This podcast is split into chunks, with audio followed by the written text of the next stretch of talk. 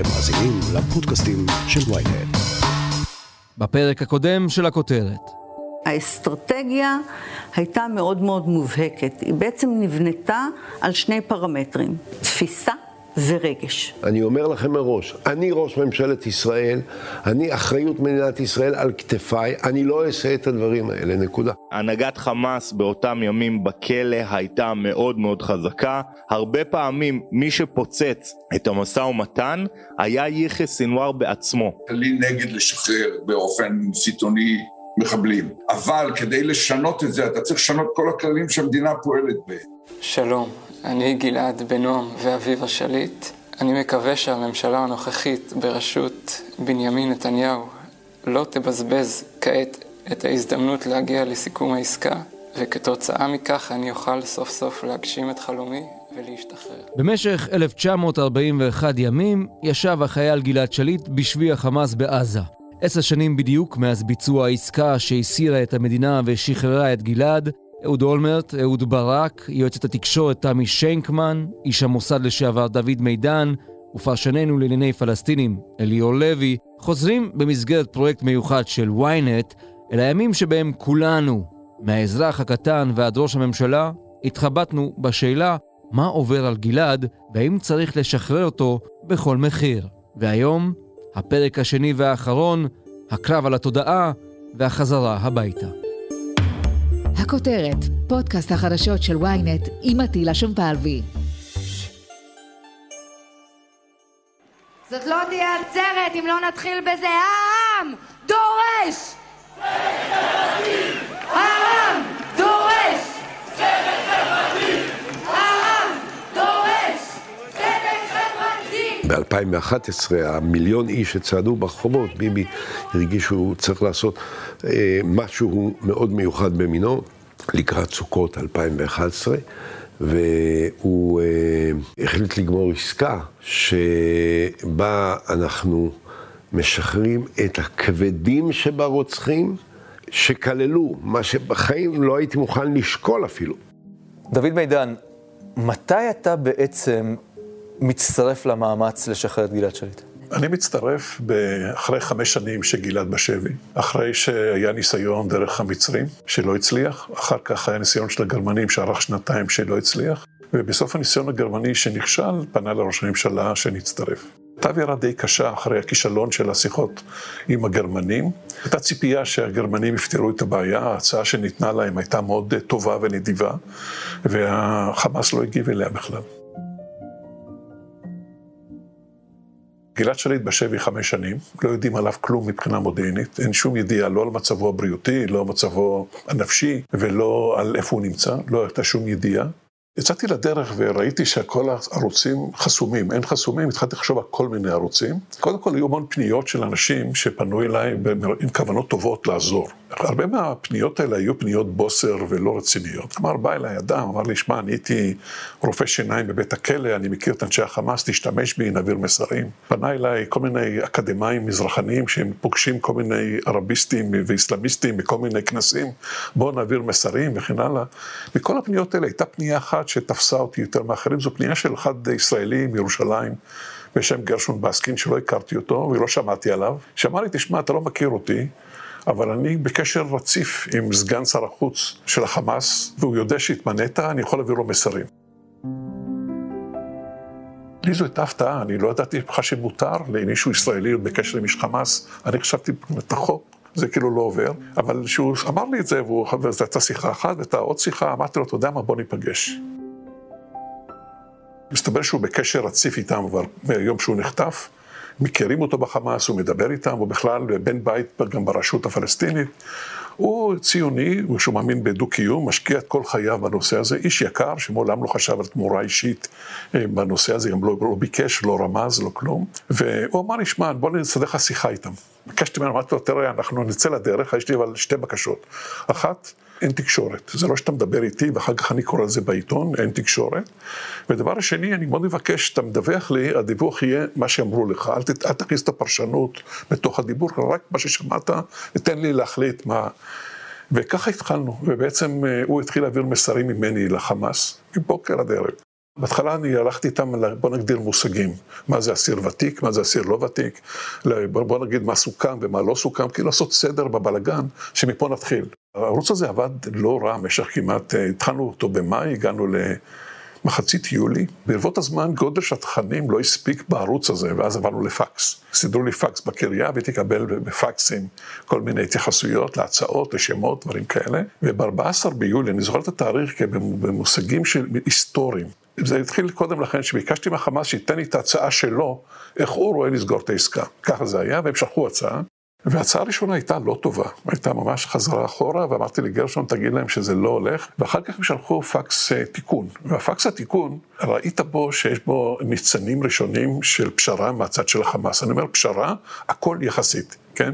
למשל, היו בעיות עם אה, החמישים אסירים כבדים שקראנו להם אסירי ה-VAP, הם בזמנו אמרו, אין מה לדבר, כל החמישים משוחררים ואין מה לדבר, וכתבו לנו במסמך, מספיק 25, ואתם תבחרו את מי אתם מגרשים. אחר כך היה לגבי ערבים ישראלים את הסוגיה, אז גם שם הם מצאו איזושהי נוסחה.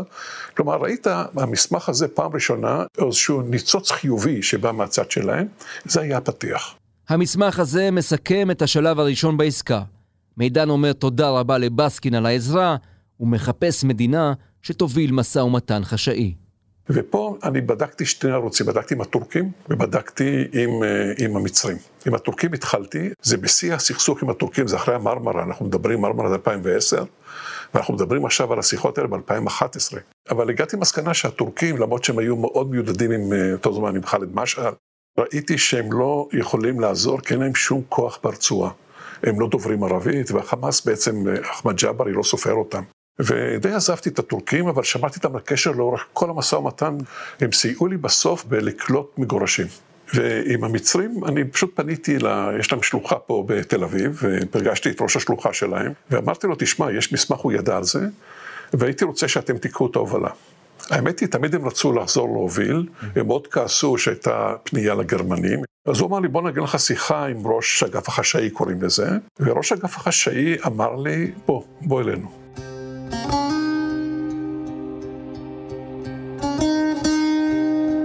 מצרים באותם ימים הייתה מדינה אחרי הפיכה. מובארק ועומר סולימאן ששלטו במדינה ביד רמה עד פברואר 2011 היו בקשר טוב עם הישראלים, פינו את מקומם לשלטון זמני בראשות הגנרל מוחמד טנטאווי, שחיפש הישגים מדיניים. כמה ימים לאחר השיחה של מידן עם הקונסול המצרי, הוא הגיע לקהיר ביחד עם ראש ענף שבויים ונעדרים באמ"ן, סגן אלוף אסף, ועם ירון בלום, נציג שב"כ, לסבב שיחות ראשון עם חמאס. שלושה אנשים בסך הכל. והחמאס הגיעו כעשרה אנשים. אחמד ג'אברי, סגנו שהיה מחליף שלו, מרואן עיסא, ארורי, שהוא שר, הוא היום אחראי על כל הנושא של האסירים, הוא איש היה קשוח שבקבוצה, והיה אחד בשם הוודאלה שהוא היה איש של ח'אלד משעל. איך זה התנהל?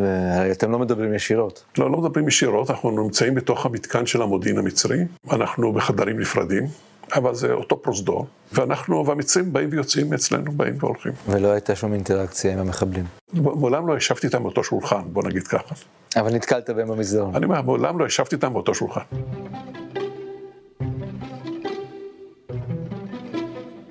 ואז אתה מבין שבעצם הקיום של המפגשים האלה, של השיחות האלה, עשית צעד גדול קדימה. אני הבנתי את זה גם, ב, גם שהיה ההודעות האלה ב-SMSים, הבנתי את זה. שלמשל, אני זוכר שהיה בערב, הייתי כותב להם שהשעה מאוחרת, בוא נמשיך מחר בבוקר. הם שולחים לי לילה טוב. כלומר, אני לא רוצה להגיד שהמשפטים האלה הופכים אותך לזוג נאהבים, אני והם, או משהו כזה, אבל אין ספק שאתה מייצר איזושהי אנושיות בקשר, שזה קצת עוזר. אויבים, הורגים אחד את השני, אבל לפעמים יש איזה תמיד איזשהו ניצוץ, ניצוץ של אנושיות בתוך זה. אני הרגשתי שהם ברי שיח, שאתה יכול להגיע איתם למשהו שבסוף אתה יכול להגיד, סגרתי עסקה והצלתי את הבחור. משפחת שליט יודעת בזמן הזה שאתה עושה צעדים קדימה לעבר הרגע המיוחל מבחינתם? משפחת שליט מעודכנת, אני מקפיד לעדכן אותם. בכל איזשהו שלב שנראה לי משמעותי אני מעדכן אותם. אני נותן להם כמעט את כל האינפורמציה, לעולם לא משקרים. לפעמים אתה לא אומר הכל, לא משום שאתה פוחד שהם יעשו משהו בזה, אלא שבהיסח הדעת, הם יושבים במאהל, מישהו יבין ומישהו ישתמש בזה, אבל הם די מעודכנים. הקו שלי היה לשתף אותם לשותפים לכל המהלך.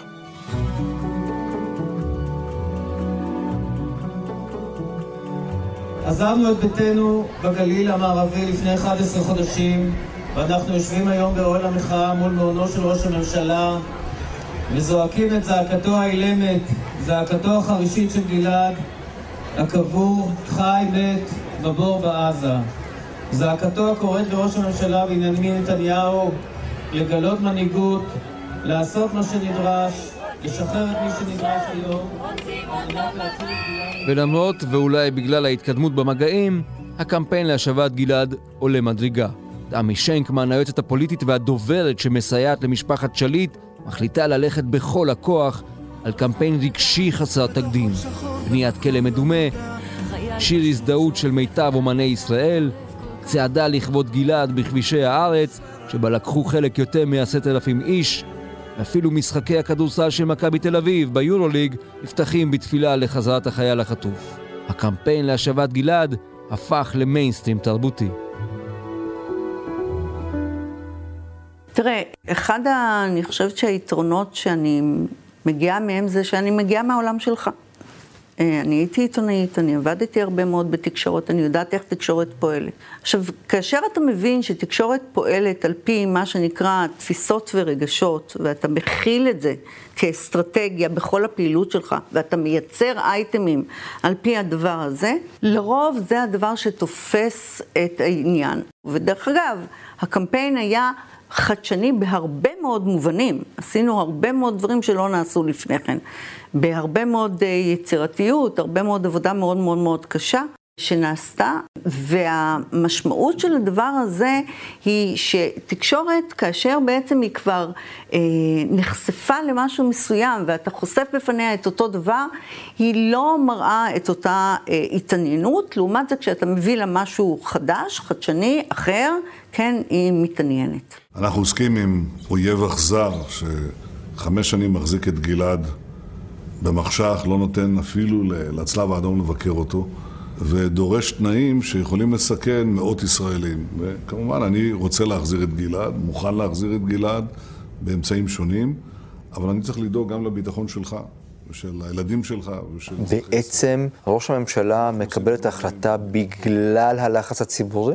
אני חושבת שכל ראש ממשלה, יש לו את האינטרסים שלו ואת הצורה שבה הוא מתנהל. בהתאם גם אה, לא רק לאינטרסים, אה, אני יכולה לבוא ולהגיד, שנוגעים לקמפיין עצמו, או לעצם העובדה של הלחץ כביכול של הקמפיין, אלא יש אינטרסים של אינטרסים פנימיים ואינטרסים חיצוניים. האינטרס הפנימי הייתה כמובן שיא המחאה החברתית. שכמובן התחילה אומנם אה, בנושא הקוטג' או הדיור, ואני זוכרת שבאתי לנועם ואמרתי לו, אנחנו הולכים להיות חלק מה, מה מה שנקרא המחאה הזאת, והוא אמר לי, מה, הבן שלי שווה בעינייך קוטג'? ואז אמרתי לו, לא, אבל המסרים של המחאה הם תואמים את המסרים שלנו, שמדובר בצדק חברתי, שמדובר בערבות הדדית, שמדובר בלקיחת אחריות. כל הדברים הללו היו אותם מסרים.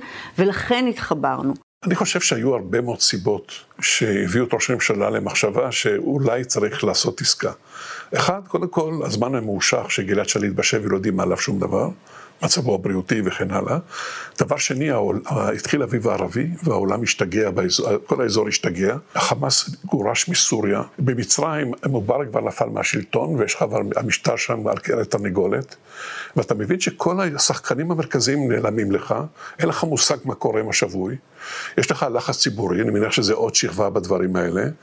ואז אתה צריך להחליט מה אתה עושה. ואני חושב שהכל ביחד, לדעתי, זה מסה כזאת של אילוצים, שכל אילוץ בפני עצמו זה אילוץ קשה וגדול, אה, הביאו אותו להחלטה, שהולכים על זה. אצלנו בהלכה קביעה שאין פודים את השבויים יתר על כמיהן מפני תיקון עולם. עוד בזמן ששליט יושב בשבי, הבין שר הביטחון ברק שקיים קונפליקט עמוק בציבור בכל מה שקשור בישראל לשחרור שבויים. והרעיון מאחורי זה הוא שאם ברור ששחרור השבויים האלה יגדיל בעצם את המוטיבציה לחטיפות נוספות, אז אה, זה שגיאה. אבל מצד שני אני ער לעובדה שקיים, הייתי אומר, זה לא לחץ של המשפחה, זה תביעה ציבורית.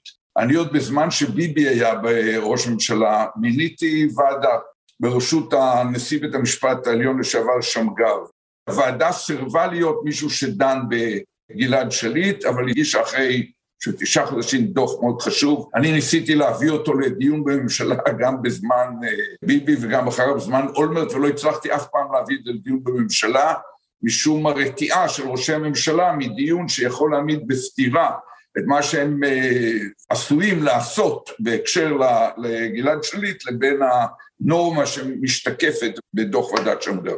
פתרון הבעיה שמקופלת בשליט עצמו אני אומר צריך את הצוות לנסות להוציא את התוצאה הטובה ביותר האפשרית, אבל אני בהחלט לא מתנגד לשחרורו, אפילו תומך בעסקה לשחרורו, על מנת שאפשר יהיה להכיל את הכללים הנכונים להתמודדות ארוכת טווח של מדינת ישראל עם התופעה הזאת. מיד נמשיך עם הכותרת, אבל לפני כן, הנה הודעה קצרה. היי, כאן יובל פלוטקין. מאז ומתמיד העולם מלא בסיפורים שעוברים מפה לאוזן, קונספירציות, שמועות, אגדות אורבניות, פיסות רכילות ועוד. בפודקאסט שלי, נא להפיץ, אנחנו מדברים בדיוק על הדברים האלה. בכל פרק ניקח סיפור אחר, מסעיר ושנוי במחלוקת, וננסה להבין מה עומד מאחוריו. מי האנשים שמפיצים אותו ומה הם מרוויחים מכך. ויותר חשוב, האם הם באמת מאמינים לסיפורים האלה? אז חפשו נא להפיץ בוויינט או באפליקציית הפודקאסטים שלכם, ונשתמע. בוא נדבר על הפריצה במשא ומתן, בנקודה שאתה מבין שזה הולך בכיוון חיובי בסך הכל, במובן הזה שזה לקראת סגירה. ראיתי שבמשא ומתן הם רציניים, הם לא קלים, הם כל הזמן הם מקשים וכל הזמן הם מתחכמים, אבל ראיתי שהם רציניים, ואני גם, הדבר יותר חשוב שראיתי, ראיתי שהמצרים הם עם מוטיבציה מאוד גבוהה להשיג את העסקה. הם קראו את החמאס מצוין, הם ידעו, הם הבינו בדיוק מה זה החמאס, וזה היה מנוף מצוין לנסות אה, לדבר ולשכנע. כלומר, אתה יודע, לפעמים אתה אומר שבשיחות גלויות, אחד מול השני, זה קל יותר, יש בזה את היתרונות שאנחנו מבינים אותם, אתה נוגע, אחד נוגע בשני, אבל במקרה הזה דווקא העובדה שלא נגעת והיה לך מצרים שהם עושים את זה, היה בזה יתרון, וזה בעיניי אפילו זה עזר. אני תמיד מציין שאילולא המוטיבציה המצרית והפיקחות של אנשי המודיעין המצרים, אה, לא הייתה עסקה. הם עשו עבודה יוצאת מן הכלל.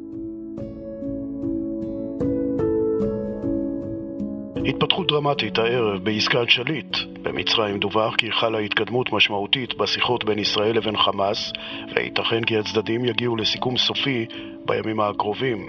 מחר... חזרתי הביתה, אני זוכר שזה היה ערב חג כשחזרתי, ראש השנה אולי, משהו כזה, ואני אמרתי שאנחנו מתקדמים, ואני זוכר שההורים של נועם ואביבה, שאמרת, התקנתי אותם, שהקפדתי ואיזושהי התקדמות, הם לא התאפקו, ובמוצאי יום כיפור, אני זוכר, הם באו אליי הביתה. אני זוכר כמה דברים, אני זוכר קודם כל שאביבה הייתה גמורה לגמרי, שפשוט היה לה קשה פשוט ללכת מהמרפסת כיוון הדלת ביציאה, ונועם פעם ראשונה הוא לא כותב, כלומר הוא מקשיב, הוא היה כולו דרוך, הוא לא, היה, לא רשם כלום. הם שמחו ולא האמינו ביחד, ראית את הערבוביה הזו עליהם. ש... ואז היא שאלה אותי, אני זוכר בפגישה הזו, אם אתה חותם, מתי הוא מגיע? אמרתי לה, תשמעי, אם אני חותם, עשרה ימים, ואחרי זה אני מביא אותו. אה, בשבילה זה כמו שאני אגיד לך שאתה עוד שעה, אתה טס לירח בחללית, אה, או עידות עליך, משהו כזה. זה. היא לא האמינה, היא אפילו לא הייתה יכולה אפילו לשמוח, כי זה בשבילה זה ערבוב שלם של רגשות בעוצמות מאוד גבוהות.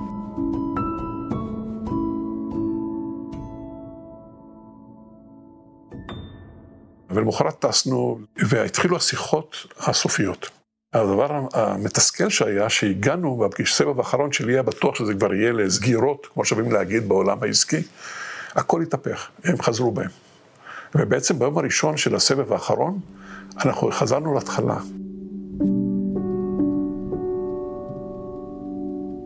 חזרתי למלון, לא הייתי מסוגל לישון. ובאו המצרים למלון לנסות לגשר, וגם במלון במצרים באותו זמן אין, אין תיירים, הכל מצרים בהפיכה, הכל חשוך, זו הייתה פינה שהעירו לנו, וישבנו במצרים עם הטבלאות של השמות, ככה עוברים איתם וזה. הייתה אווירה מאוד מאוד קשה. הרגשנו שאחרי התקווה הגדולה אנחנו הולכים אחורה, ולמחרת ביום השני התחלנו את המשא ומתן, והיה משא ומתן ברצף של 23 שעות ברציפות. במשא ומתן לי היה חשוב שהם יחתימו ראשונים ואני שני. מהטעם הפשוט שהחמאס כל הזמן היה לו את הטריק הזה, שאתה מסכים למשהו, אז הוא לוקח אותו ואחרי זה הוא נעלם. הוא מתחיל איתך אחר כך שיש לו את זה בכיס, והוא משפר את העמדות שלו. אנשים הגונים במשא ומתן לא נוהגים כך, אבל כרגע אני לא, אין לי ציפיות להוגנות ועכשיו, כל ההסכם נכתב בערבית. ובעצם אתה חותם מסמך בערבית שאף אחד חוץ ממני לא קורא אותו. ואנחנו רואים שהם בילפו אותנו בסעיף אחד. אחרי שהם חתמו. היה זה נושא שהשב"כ היה חשוב לו מאוד, שאסירים מזרח ירושלמים לא חוזרים לירושלים שלוש שנים. ו... ואז אמרתי להם, תשמעו, הסעיף הזה לא היה. ואמרו, תחתום, תעזוב, אתה יודע, אנחנו בסוף. הטונים עלו, אבל אמרתם, תשמעו, לא נחתום על זה. לקח אותי הצידה ה-chief negotiator המצרי, אמר לי, אתה משוגע? יש לך הסכם, תחתום, מה, על הסעיף הזה עכשיו, אתה, כל מה שעשינו וזה, אמרתי לו, אני לא אחתום. והתייעצתי גם עם האנשים, עם יורם וזה, אמרנו, אנחנו לא נוותר על זה. ותחשוב שבארץ, איך מגיבים, הם יודעים שאנחנו בסוף, ואיזה מתח בארץ, יש את ההפסקה, אתה אין לך זמן עכשיו לדווח לה, אתה בתוך הקלחת הזאת, ומה שהיה הוא שהמצרים אחרי זמן עזבו אותנו, הלכו לצד השני, וישבו שם איזה שעתיים. בסביבות 11, 11 וחצי הם חוזרים אלינו שהם חתמו בלי הסעיף הזה, ואני חתמתי ויש הסכם. בזמן הזה משפחת שליט ישבה כבר שנה שלמה ליד ביתו של ראש הממשלה המכהן, אז בנימין נתניהו, והיא לא עזבה את המאהל, היא נמצאה שם 24-7. אז בסביבות השעה 12 בצהריים אני הייתי פונה לירושלים ונוסעת לירושלים כדי להגיע למאהל, ונמצאת שם עד שעות הערב. ולאחר מכן חוזרת. אלא שבאותו יום, במקרה, אימא שלי אה, אושפזה בבית חולים, והתקשרתי לאביבה כדי להודיע לה שאני אגיע קצת יותר מאוחר. והיא שאלה מתי. עכשיו, זה היה מאוד אה, חריג, כי אביבה בדרך כלל לא שואלת אותי מתי את מגיעה. אז אמרתי לה, קרה משהו? אז היא אמרה, כן, אבל אני צריכה שאת תהיי פה. ואז היה לנו שבוע. שבוע עד שהעסקה בפועל מתבצעת. זאת אומרת, זה עלה לקבינט, mm-hmm. לדיונים, לאישורים וכולי וכולי וכולי, והתחלתי במהומת אלוהים. לא היה, לדעתי, גורם שלא הגעתי אליו. חברי כנסת, שרים. אני זוכרת שנועם בא אליי ואמר לי, הרב עובדיה יוסף הזמין אותי לשיחה, אני צריך ללכת? אמרתי לו, מה אתה עושה עוד פה? תיכנס לרכב ותיסע, מהר, מהר, מהר לשם, מהר, מהר, מהר לשם. כי חששת שמה? תראה, בכל סיטואציה שכאשר יש אה, פוליטיקה ואינטרסים פוליטיים נכנסים, ומי כמוך יודע עד כמה הפוליטיקה יכולה להיות מאוד הפכפכה ומאוד מאוד משתנה, שכן, שלא יהיה רוב לעסקה. פחדתי מאוד. אני חייב להגיד שאחרי ההסכם שנחתם, אני כל כך הייתי מנותק מהסביבה. אני התקבלתי, השכנים שלי קיבלו אותי, והיה לי כל מיני קבלת פנים, שאני לא הבנתי מאיפה זה בא לי, לא ידעתי בכלל. אני לא רגיל שאני עושה מבצע ולקבל פרחים.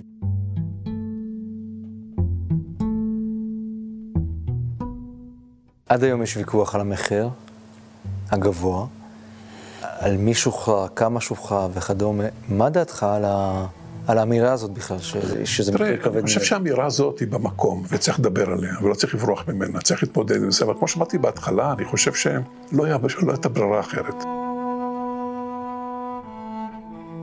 תראה, שוחררו, אני, אני רוצה לגרום במספרים קצת, בשביל לעשות סדר. 450, זו הייתה עסקה. והמספר הזה סוכם ממש בהתחלה, בהתחלה, בהתחלה, בהתחלה של המשא ומתן.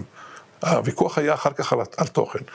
אחר כך זה עלה עוד 550 אסירים, שזה בא מאירוע אחר לגמרי. אבו מאזן התנגד לעסקה, ומובארק תמך בו. והיה, כאילו זה מחזק את החמאס.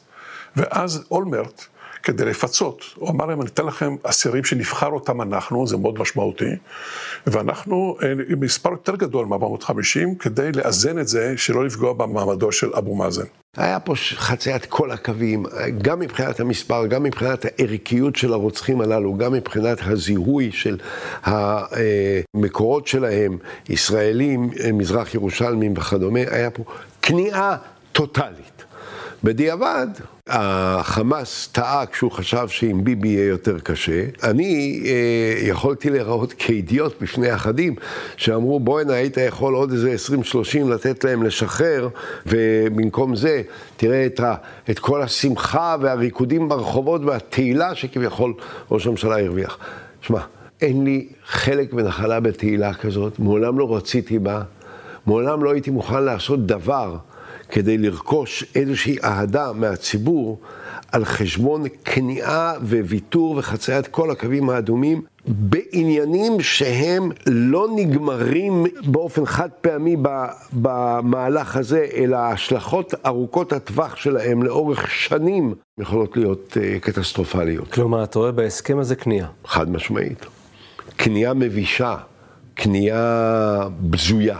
נודריק תמאמן انه في بعض القضايا حلها بالمقاومه الشعبيه في بعض القضايا تحل על כך צריך להוסיף שהמנהיג של החמאס היום ברצועת עזה, שהוא איש לא טוב, הוא איש לא נחמד, יחיא סינואר, הוא אחד מהמשוחררים, ששוחרר על ידי ביבי נתניהו.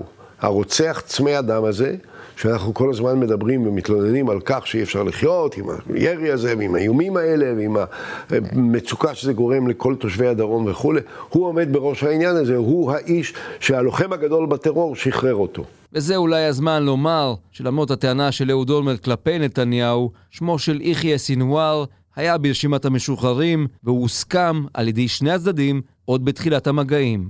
אליהו לוי, הייתה סיבה לכך.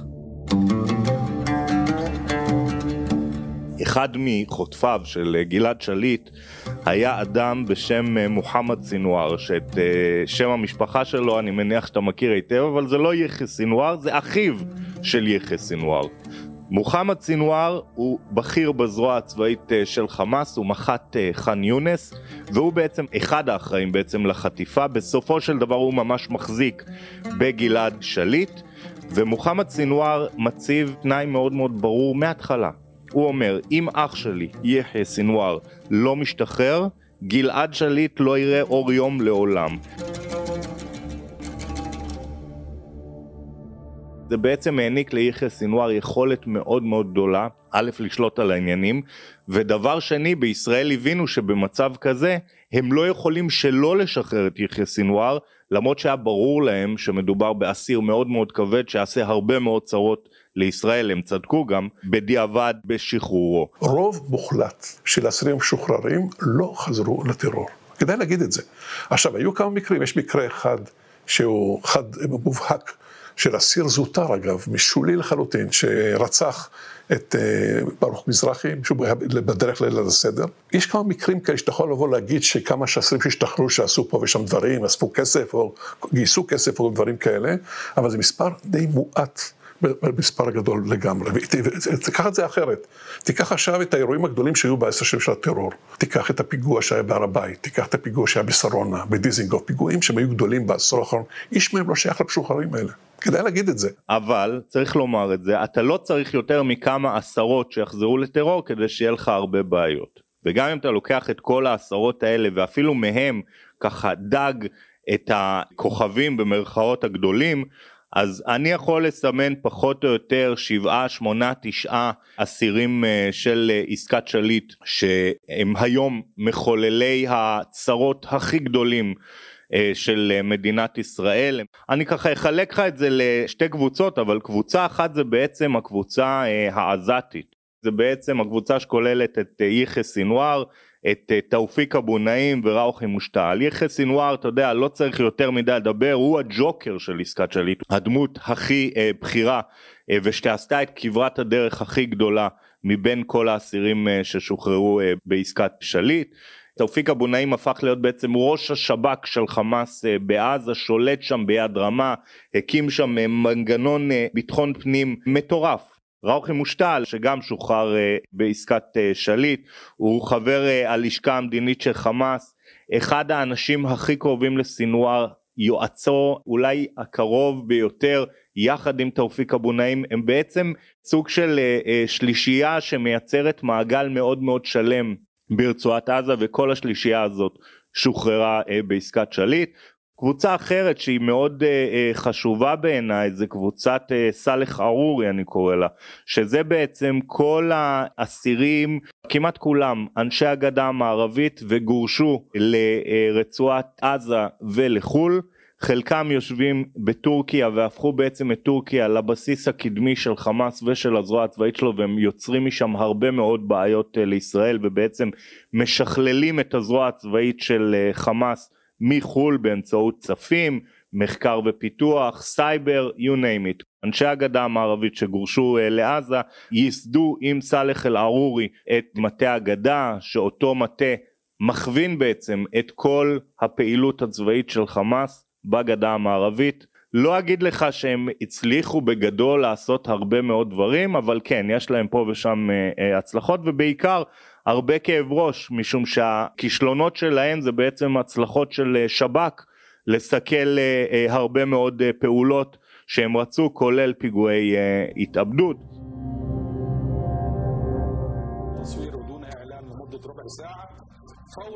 فور إعلان الجانب المصري والمخابرات المصرية عن سلامة سيبقى في مصر دون تصوير ودون إعلان لمدة ربع ساعة. דוד מידן, היום עצמו, כשגלעד חוזר, איפה אתה?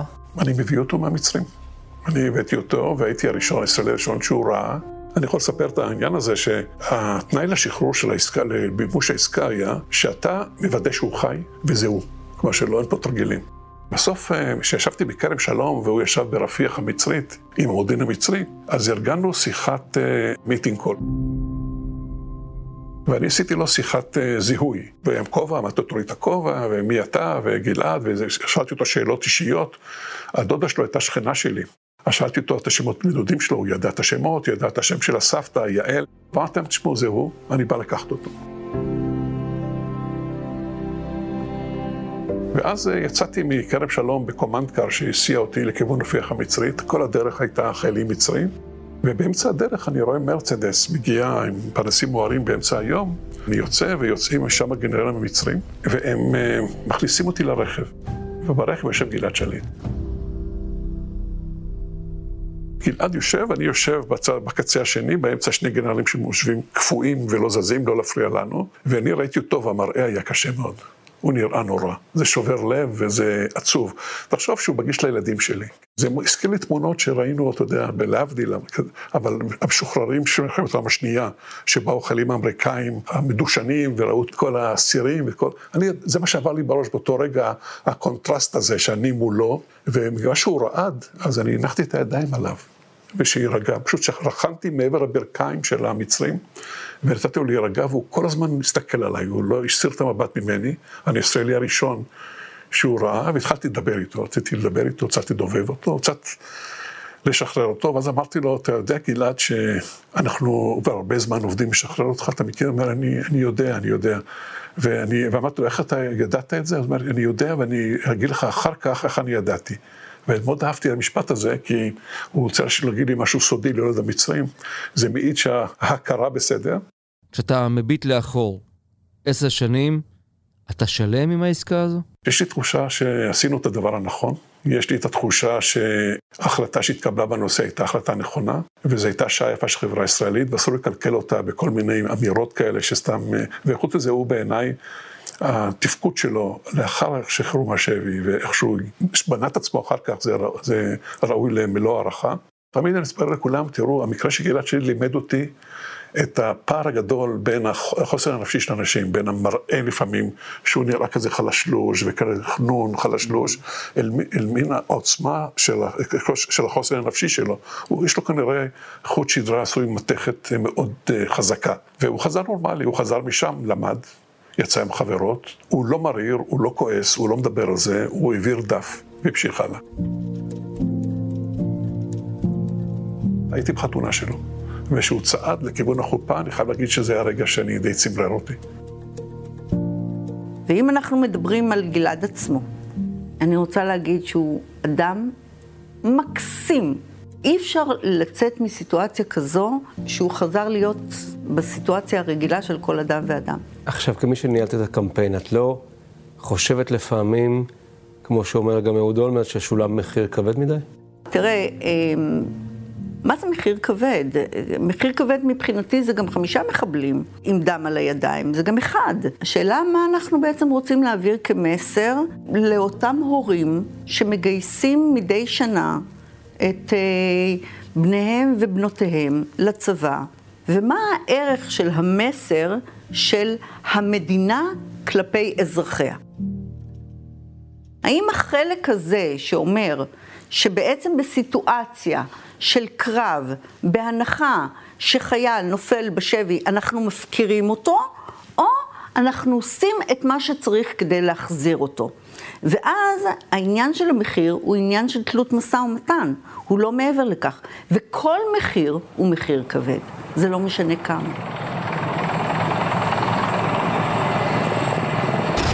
גלעד, כל הכבוד לך, תהיה חזק, בסדר גמור. תראה, הוא אה, הגיע באירוע מתוקשר ומצולם וזה, אני לא הייתי בטוח שכל הטררם התקשורתי הוא כל כך חשוב, בין היתר מהסיבה שאתה רמזת עליהם, הדבר החשוב הוא להחזיר אותו אל משפחתו ואל ביתו ואל החירות.